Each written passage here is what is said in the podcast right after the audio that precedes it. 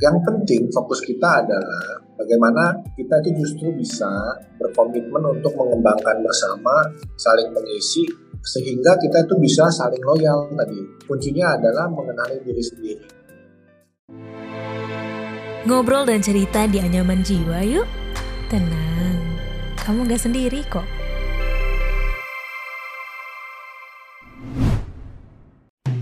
Kamu, para fresh graduates yang pengen tahu serba-serbi dunia kerja profesional, serta hak dan kewajiban karyawan dan perusahaan, yuk dengerin Podcast Obsesif, persembahan Medio by KG Media, hanya di Spotify. Kamu apa kabar? Selamat datang ya di podcast Anyaman Jiwa. Podcast yang berbicara mengenai kesehatan mental individu, mulai dari ranah pekerjaan, hubungan percintaan, dan juga sebagai makhluk sosial. Nah, buat kamu nih yang ingin menambah wawasan mengenai kesehatan mental, yuk simak baik-baik podcast Anyaman Jiwa. Saya Rara Kalesaran, dan di episode kali ini, waduh, yang akan kita bahas adalah kenapa sih loyalitas itu membosankan? Tapi sebelumnya sebelum kita ngobrol lebih lanjut, jangan lupa dulu follow dan juga beri rating terbaikmu untuk podcast Anyaman Jiwa di Spotify. Juga jangan lupa ya, nyalakan notifikasinya supaya bisa terinfo nih setiap ada episode terbaru yang tayang di hari Rabu dan juga Jumat. Nah, selain itu juga untuk kamu yang ingin mengenal lebih dalam lagi tentang kesehatan mental supaya dipaham lagi gitu ya, langsung saja bisa beli buku Dr. Darmawan Ardi Purnama. Judulnya adalah pembaharuan logoterapi Viktor Frankl, pencarian makna hidup melalui interpretasi hermeneutika naratif restoratif. Cara dapetinnya sangat mudah, tinggal beli di e-commerce. Nah, kalau suka baca digital, versi softbooknya juga bisa dibeli di Play Store. Nah, kalau kita bicara mengenai hubungan ya, sebuah hubungan akan langgeng dan juga bahagia kalau kita pastinya loyal satu sama lain, ya nggak? Nah loyal ini dalam artian kamu tuh nggak perhitungan dari segi uang, waktu, dan juga tenaga. Kamu juga pernah dong melakukan hal yang serupa seperti ini untuk pasangan kamu tanpa pamrih tentu saja. Tapi ternyata nih ya, bersikap loyal di hubungan ini juga bukan hal yang mudah. Butuh keyakinan dalam hati kalau kita tuh benar-benar mencintai orang ini. Tapi apa benar kalau sikap loyal dalam hubungan itu ternyata bisa loh membosankan? Nah, kita cari jawabannya. Kita kupas tuntas bersama dengan Dr. Darmawan Apurnama PhD, psychiatrist, psikiater dari FKUI dan Dr. Filsafat dari STF Driyakara. Hai Dr. Darmawan. Halo. Salam ya. sehat. Apa kabar? Lama kita tidak uh, ngobrol ya dok. Iya. Oke. Okay. Sebelum kita uh, berbicara ya. lebih panjang mengenai loyalitas dalam berhubungan atau mempunyai hubungan dengan pasangan dan apakah betul itu bisa membosankan atau tidak, kita tanya dulu nih, apakah sebenarnya loyalitas itu adalah karakteristik yang pasti dimiliki oleh semua orang dari lahir atau tidak gitu? Memang kalau manusia itu sebetulnya bukan makhluk yang loyal seperti kalau kita lihat dalam hubungan kasih seperti misalnya angsa gitu ya atau merpati. Jadi kalau kita melihat dari sisi itunya, nah memang manusia itu sifatnya itu poliamori, jadi nggak satu ya, dia cinta itu bisa banyak. Nah, jadi kalau kita bicara tentang loyalitas ini, sebetulnya loyalitas ini itu nah, harus terus-menerus dikembangkan, diciptakan. Jadi kalau kita lihat dari konsep mencintai itu kan bukan memiliki, tetapi memberikan. Jadi saling memberikan. Kemudian juga di dalam cinta itu memang kalau kita cinta, kita care, ya baik ke pasangan maupun ke partner kita, partner dalam artian misalnya partner usaha, partner kerja, dengan sahabat. Itu kan sebetulnya kan juga kita otomatis kan kalau kita care kita memberi ya, tidak hitung-hitungan. Oleh sebab itu dengan pasangan, dengan kekasih, dengan suami atau dengan istri, analoginya seperti istilahnya it takes two to tango. Jadi mesti bisa seirama, sejalan ketika kita menari tango gitu ya kalau enggak kan bisa keserimpet ya.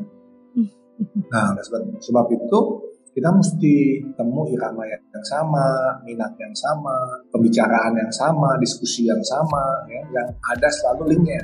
Memang ini kan kadang-kadang dalam perjalanan waktu si suami itu jalan sendiri, si istri jalan sendiri. Lama-lama bisa aja jadi jauhan. Supaya nggak jauhan, baiknya itu supaya bisa saling mengikuti Jadi mengikuti perjalanan suami bagaimana, perjalanan istri bagaimana. Kalau yang mungkin bidangnya sama itu mungkin lebih mudah. Tapi kalau bidangnya lain bukan berarti tidak bisa mengikuti. Mungkin mengikuti sampai dalam itu kadang eh, nggak uh, bisa ya. Tetapi kan paling tidak kalau secara umum itu kita bisa mengikuti. Jadi bisa saling uh, mengerti, saling tahu tentang aktivitas masing-masing, pekerjaan, karir. Dan jangan lupa, hidup itu kan bukan hanya aktivitas pekerjaan, karir, tetapi juga harapan bersama, hobi yang sama, tujuan yang ingin dicapai yang sama untuk keluarga, mm-hmm. lestarikan dan dikembangkan bersama. Sehingga tidak ada lagi nanti uh, merasa terbebani, merasa bosan, merasa kok saya hanya memberi saja gitu. Kan ada take and give memberi dan menerima ya jadi saling mengembangkan itu penting sekali dalam melanggengkan sebuah hubungan gitu loh Oke baik, kalau kita berbicara loyalitas nih dokter, sekarang kan sepertinya sebuah hal yang sangat mahal harganya gitu ya. Kalau kita lihat di media sosial isinya orang berselingkuh gitu ya atau juga poligami. Sebenarnya apa dampak terhadap sebuah hubungan begitu ya? Kalau memang salah satu pasangan ini memiliki sifat yang tidak loyal. Walaupun memang sebenarnya kalau kata dokter pada dasarnya manusia memang tidak akan tidak loyal pada satu pasangan begitu ya dok ya? Iya betul. Jadi kalau secara perasaan kalau itu nggak dijaga maka itu bisa aja manusia itu jatuh cinta lagi gitu. Mm-hmm. Kan awalnya biasa saja tuh. Nah itu yang harus menyadari. Lalu kemudian kita juga mesti menyadari sampai di mana hubungan kita dengan pasangan kita jadi kita nggak terbawa oleh sebuah ilusi hubungan dengan jatuh cinta lagi gitu. Mm-hmm. Ya, mm-hmm. jadi ini mesti waktunya untuk refleksi ya. Nah, jadi kalau misalkan tadi contohnya adalah medsos, ya medsos itu sering kali membawa kita hidup dalam sebuah ilusi. Ya, jadi kalau ada yang konsul sama saya dulu pernah ada. Oh saya jatuh cinta saya cinta banget nih sama teman saya yang saya kenal ini di waktu itu ada Smule ya Smule itu. Smule? Smule ya nyanyi, uh -uh. karaoke karaoke ya dok? Ya. Uh -uh. dia bilang kalau misalkan saya cerai dengan suami saya pasti saya akan bahagia nih dengan dengan pacar saya nih yang saya cintai. Kita tuh satu frekuensi lah. Saya cuma mengatakan bahwa memang kalau pacaran itu sih selalu indah tapi begitu pacarnya nanti dijadikan uh, suami atau dijadikan istri Jreng. maka nah karena kan dia nggak menyadari sebetulnya dalam hubungan suami dan istri itu bagaimana ya. nanti pasti akan tidak seperti gereng gerengnya tidak seperti waktu pacaran lagi tuh hmm. karena dalam hubungan uh, suami istri itu ada yang namanya tanggung jawab sebagai suami tanggung jawab sebagai istri dan juga tanggung jawab sebagai orang tua hmm. itu yang perlu kita perlu kita sadari dulu tuh ya. jangan terbawa sama medsos sama zaman Iya. Karena kalau kita melihat dari medsos sepertinya dunia luar itu warna-warni ya, indah ya, yang di rumah kok gitu-gitu aja gitu. Sehingga muncul yang namanya, aduh ternyata loyalitas itu membosankan ya gitu. Nah Gimana nih eh, dengan adanya pemikiran seperti tadi dokter bahwa loyalitas itu membosankan gitu dok? Ya jadi pertama sebetulnya yang mesti kita tanamkan adalah bukan berarti loyalitas itu pasti membosankan Hmm. Tetapi loyalitas itu bisa menjadi sebuah yang menarik gitu. Oleh sebab itu memang diperlukan juga ya perangsangan panca indera kita, persepsi kita itu yang bervariasi. Ya, sebagai contoh yang paling sering diperlukan. Kalau melihat pasangannya itu dari pagi ganti baju pergi kerja, pulang udah lusuh, pakai pakaian tidur lagi. Justru itu yang membuat monoton. Nah, membuat monoton panca indera kita jadi tergoda dengan misalkan melihat penampilan teman kerja di tempat kerja yang rapi, dandan, cantik, ganteng, wangi. Nah dia lupa kalau di rumah itu juga semestinya berpakaian yang menarik untuk pasangannya. Terus kemudian selain berpakaian, pembicaraan bisa mengikuti diskusi pasangannya, saling timbal balik. Jadi loyalitas membosankan itu tidak pasti. Jadi jangan ditanamkan bahwa loyalitas itu pasti membosankan, ya.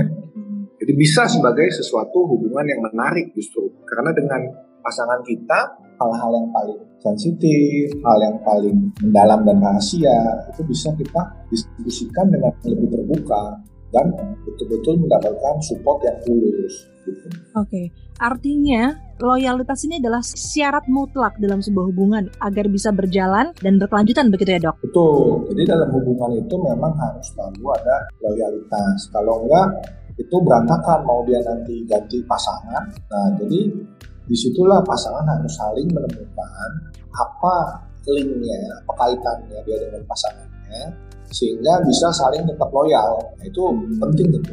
Oke, satu, loyalitas adalah hal yang mutlak. Dua, eh, tidak selalu membosankan. Nah, pertanyaan saya sekarang ke dokter. Dokter sekarang ada di usia berapa tahun pernikahan ya, Dok? Ya, tahun ini 20. 20 tahun. Wah, 20 tahun. Oke. Ada bosennya dong pasti, Dok. Masa nggak ada? Ya, terus terang kalau dari segi diskusi, dari uh -uh. segi saling bertukar pendapat atau uh -uh. saling mendukung dalam sebuah rencana, saya sih sejauh ini belum pernah bosen ya karena hmm. kalau melihat kenyataan di luaran sana kebetulan karena profesi saya menerima konsultasi seperti ini hmm. justru saya melihat bahwa potensi-potensi hubungan yang membosankan itu banyak sekali dan saya beruntung menemukan pasangan yang memang satu irama dengan saya. Kalau dari segi mungkin penampilan ya, ya mungkin aja kita bisa bosan. Saya juga pernah kayaknya kan bosan kalau begitu-begitu aja. Nah oleh sebab itu, nah kita saling memberikan masukan, saling memberikan masukan itu dalam hal penampilan, misalnya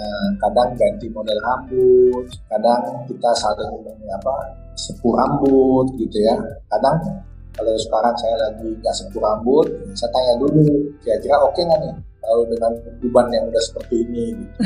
ya kan hal seperti itu kita komunikasikan kita sama-sama misalnya cari suasana baru gitu mungkin dok bagi yang belum menemukan pasangan mereka kan takut nih nanti kalau aku punya pasangan terus udah loyal ujung-ujungnya bosen juga antar dia selingkuh aku selingkuh mending nggak usah gitu kan akhirnya uh, hubungan tanpa status dan lain sebagainya. Nah, mungkin berarti dokter bisa memberikan tips bagaimana cara menemukan pasangan yang kira-kira bisa terhindar dari potensi kebosanan itu tadi. Buat yang belum menikah, itu dalam proses coba menjajaki dengan pacar itu penting untuk tahu dulu diri sendiri itu sebetulnya arahnya mau ke mana sehingga nanti kalau kita udah tahu arahnya kita bisa cocokkan dengan dengan arahnya si calon pasangan kita. Tetapi kalau untuk yang udah menikah, coba di review ulang. Dulu awal-awalnya ketertarikan bersama itu di bidang apa sih? Dalam hal apa sih? Nah, apakah sekarang kita punya perjalanan hidup masih on, on track atau tidak? Kalau misalkan sudah tidak on track,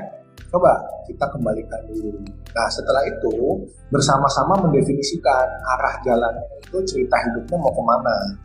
Karena waktu dulu ketemu masa pacaran usianya mungkin sekitar 20-an atau 30-an dan sekarang udah di usia 40-an apalagi sudah di usia 50-an tentunya kan kita punya fokus juga masing-masing sudah berubah tidak sama seperti waktu kita usia 20-an nah oleh sebab itu coba dikumpulkan kembali dulu kenapa ketemu terus bisa mau sama-sama lalu lanjutannya ceritanya mau dibawa ke mana supaya kita bisa sama-sama sampai ke garis finish gitu. Oke baik. Terakhir sebelum saya minta tips terakhir ya atau pesannya Dokter Darmawan. Banyak orang bilang bahwa kalau sudah menikah nih gitu ya, rata-rata orang yang akhirnya tidak loyal itu tergoda karena masalah seksualitas saja. Betul nggak dok? Ada lagi begini, masalah seks itu dibagi dua juga. Satu oh. itu masalah seks sebagai seksualitas saja. Ada lagi yang bermain dengan hati. Nah, jadi kalau yang bermain dengan hati berarti kan dia ada ada masalah perasaan. Jadi bukan hanya hubungan seks, tetapi hubungan seks dengan perasaan. Nah, tentunya beda dengan yang cuma melampiaskan gairah seksual aja. Mm-hmm. Itu yang tidak dengan perasaan, tapi itu bisa ke arah perilaku seksual, penyimpangan perilaku seksual. Seperti misalnya nanti jadi adiksi seksual, kecanduan ya, ke adiksi seksual itu kecanduan ya, kecanduan atau bahkan menjadi gangguan seksual itu juga bisa tuh kalau dia hanya berfokus pada seks aktivitas seksual ya jadi ada ada perbedaan itu juga nah di sini kita mesti juga bagaimana dorongan seksual kita dan bagaimana pengaruh di luaran ya seperti pornografi itu kan semua kan sebetulnya ilusi juga ya. Jadi kan ada pasien yang konsultasi suami istri minta gaya seperti di film porno. Hmm. Nah itu kan mesti di kita mesti sadar film porno itu kan dibuat berdasarkan skrip, kemudian ada adegannya, kemudian bagaimana diambilnya ya. Itu kan tidak sama dengan kenyataan. Itu kan sengaja dibuat semenarik mungkin.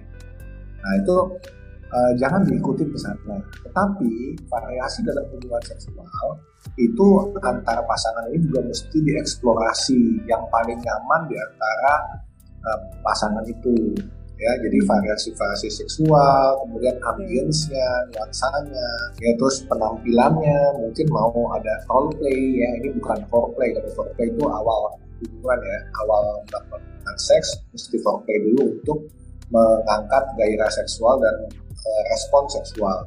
Tetapi for, tapi role play, role play itu bermain peran ya, seperti misalnya berpakaian seperti apa, dan itu mesti dibicarakan okay. bersama ya, di dalam di dalam terapi seksual. Oke, berarti kalau kita simpulkan adalah mau dia tertarik atau dia tertarik dengan yang lain karena gairah seksual ataupun tidak, intinya adalah mungkin ada kebosanan atau mungkin ada sesuatu yang tidak terkomunikasikan dengan baik antar pasangan itu ya dok ya? Ya. Nah, tapi ya. kita mungkin minta pesennya nih untuk pendengar anyaman jiwa kali ini dokter. Apabila memang nih ada pendengar yang sedang mengalami masa ternyata aku sedang jenuh padamu gitu ya, seperti lagunya Rio Febrian gitu kan atau ketakutan menghadapi sebuah hubungan takutnya nanti aku jadi jenuh gitu ya hubungannya kalau aku terlalu loyal. Gimana nih pesannya dokter silakan. Jangan cemas antisipasi belum apa-apa sudah cemas nanti ada jenuh, nanti nggak loyal dan lain-lain. Yang penting fokus kita adalah bagaimana kita itu justru bisa berkomitmen untuk mengembangkan bersama, saling mengisi sehingga kita itu bisa saling loyal tadi. Kuncinya adalah mengenali diri sendiri, kebutuhan dan arahnya. Dengan kita kenal sebagian, dengan kita kenal cerita hidup kita dari awal sampai kita ketemu dengan pacar kita dan kemudian kita mau memutuskan yang ini cocok enggak untuk kita komitmen bersama untuk memilih saling mencintai. Nah itu mesti menjadi satu rangkaian, satu rangkaian cerita. Jadi kan lebih mudah tuh menjalin kira-kira rangkaian cerita selanjutnya apa. Tetapi kalau memang kita nggak tahu sama sekali tentang diri kita juga, nah ini yang akan sulit, akan sulit dihadapi, akan sulit untuk saling menyesuaikan atau mencocokkan dengan pasangan kita. Ya, jadi sama seperti di buku saya, narasi restoratif itu artinya adalah narasi yaitu cerita cerita yang diperbaiki supaya nanti kita bisa merangkai cerita untuk mencapai goals kita, mencapai goals kita yang bermakna dan hidup yang bahagia. Nah, itu betul-betul yang harus kita upayakan bersama itu. Jangan pesimis. Kalau kita merangkai kembali cerita kita, dan kita dulu pernah bertemu dan ada suatu excitement untuk bersama, pasti akan ada uh, irisan-irisan di mana bisa saling mengkait dan dibangun kembali mm-hmm. kebersamaan dengan istri atau suami kita. Oke, okay. Dokter Darmawan, terima kasih. Kita nanti akan ngobrol lagi dengan topik-topik menarik selanjutnya. Sampai ketemu, Dokter. See you. Demikian podcast Anyaman Jiwa bersama dengan Dokter Darmawan Apurnama. Nah, buat kamu yang pengen berbagi juga nih cerita tentang kesehatan mental, boleh boleh lo sharing, kirim ceritanya ke email podcast at kgmedia.id atau juga bisa DM Instagram at sonorafm92 atau at Medio by KG Media. Dan jangan lupa dengarkan podcast menarik lainnya dari Anyaman Jiwa di Spotify. Saya Rara Kalesaran pamit. Hai! Ya, udah selesai episode kali ini. Tungguin episode Anyaman Jiwa selanjutnya ya.